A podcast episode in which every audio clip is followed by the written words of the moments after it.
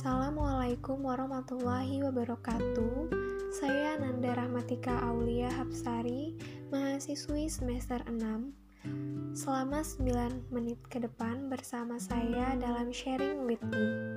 Kali ini saya akan membahas mengenai Menjadi seorang pendidik muslim yang sukses. Pengarangnya Muhammad bin Jamil Jainu. Bagaimana sih cara kita agar menjadi seorang pendidik Muslim yang sukses.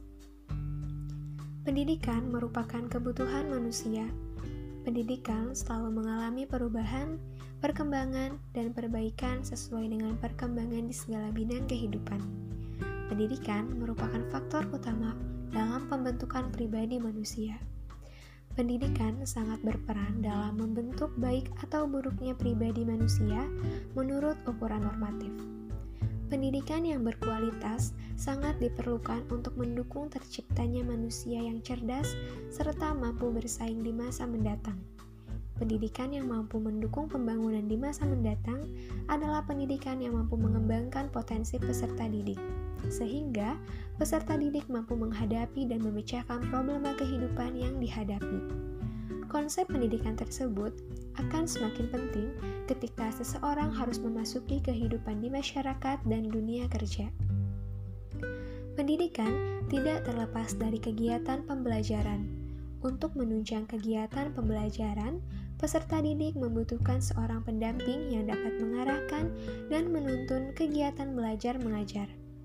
Guru adalah pendidik, salah satu unsur manusia dalam proses pendidikan. Dalam proses pendidikan, guru memegang tugas ganda, yaitu sebagai pengajar dan pendidik. Sebagai pengajar, guru bertugas menuangkan sejumlah bahan pelajaran ke dalam otak anak didik. Sedangkan sebagai pendidik, guru bertugas membimbing dan membina anak didik agar menjadi manusia susila yang cakap, aktif, kreatif, dan mandiri. Lalu, fungsi seorang pendidik yang sukses. Di antara sasaran pendidikan dan pengajaran ialah membentuk pribadi yang memiliki sifat luhur, yaitu pribadi yang senantiasa merasa wajib dan terkait dengan robnya, menyandarkan tata aturan kehidupan kepadanya, bekerja dalam rangka meluruskan masyarakatnya, dan membetulkan pemahaman berdasarkan landasan-landasan yang benar.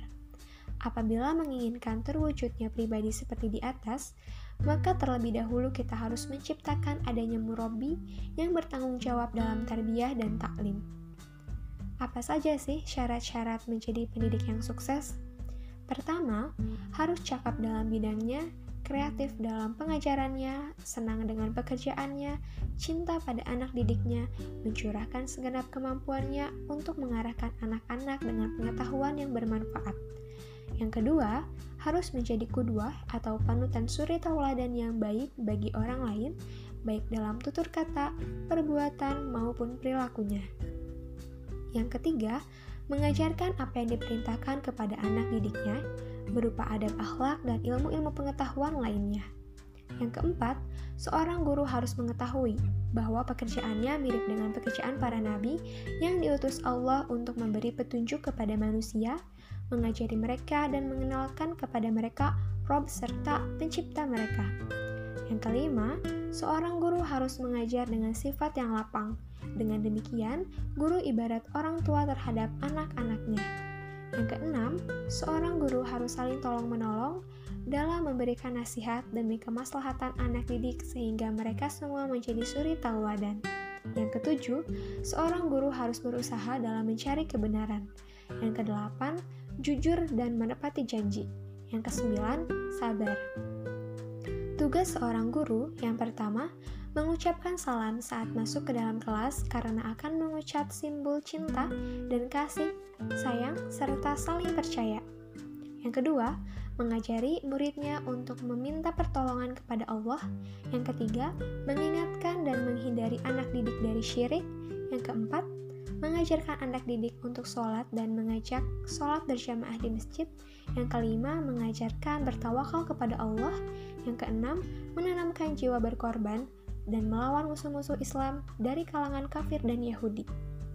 Yang ketujuh, mengajarkan anak didik agar jangan sampai terjerumus kepada prinsip-prinsip yang membinasakan seperti ateisme, komunisme, sekularisme, dan lain sebagainya. Yang kedelapan, mengingatkan anak didik jangan sampai durhaka kepada orang tua dan harus mentaati setiap nasihat yang diberikan oleh orang tua. Lima karakter yang harus dimiliki oleh seorang pendidik muslim. Dr. Abdullah Nasih Ulwan dalam bukunya yang berjudul Tarbiyatul Aulad mengatakan bahwa seorang guru hendaknya memiliki lima karakter dasar. Yang pertama adalah ikhlas. Para guru hendaknya menanamkan niatnya semata-mata untuk Allah dalam seluruh pekerjaan edukatifnya, baik berupa perintah, larangan, nasihat, pengawasan, ataupun hukuman. Yang kedua adalah takwa. Seorang guru harus takwa sebagaimana telah didefinisikan oleh para ulama yaitu menjaga agar Allah tidak melihatmu di tempat larangannya dan jangan sampai Anda tidak didapatkan di tempat perintahnya. Yang ketiga adalah ilmu. Hal ini sudah barang tentu tidak perlu dibahas panjang lebar karena guru adalah penyampaian ilmu. Maka sudah selayaknya guru gemar menuntut ilmu. Keutamaan lain yang bisa diperoleh seorang pendidik adalah pahala yang tidak pernah terputuskan. Yang keempat adalah sabar, termasuk sifat mendasar yang dapat menolong keberhasilan guru dalam tugas mendidik adalah sifat sabar. Yang kelima adalah tanggung jawab. Tanggung jawab ini menurut Nasi Ulwan meliputi aspek keimanan, tingkah laku keseharian, kesehatan jasmani rohani, maupun aspek sosialnya. Metode mengajar yang jitu. Yang pertama, takut dan berpengharapan. Para guru harus menanamkan rasa takut kepada Allah ke dalam jiwa anak-anak didiknya, sebab Allah sangat hebat siksanya terhadap orang-orang yang durhaka terhadapnya. Allah memerintahkan hamba-hambanya untuk berdoa kepadanya, sedangkan berdoa adalah ibadah dengan rasa takut terhadap siksaan api nerakanya dan bersemangat mengharapkan surganya. Yang kedua adalah kisah-kisah. Kisah-kisah mempunyai pengaruh yang kuat terhadap jiwa, maka seorang pendidik selayaknya memperbanyak kisah-kisah yang bermanfaat seperti yang terkandung di dalam Al-Quran, yaitu kisah Ashabul Kahfi, bertujuan untuk membentuk generasi yang beriman kepada Allah, cinta kepada Tauhid, dan benci kepada kemusyrikan.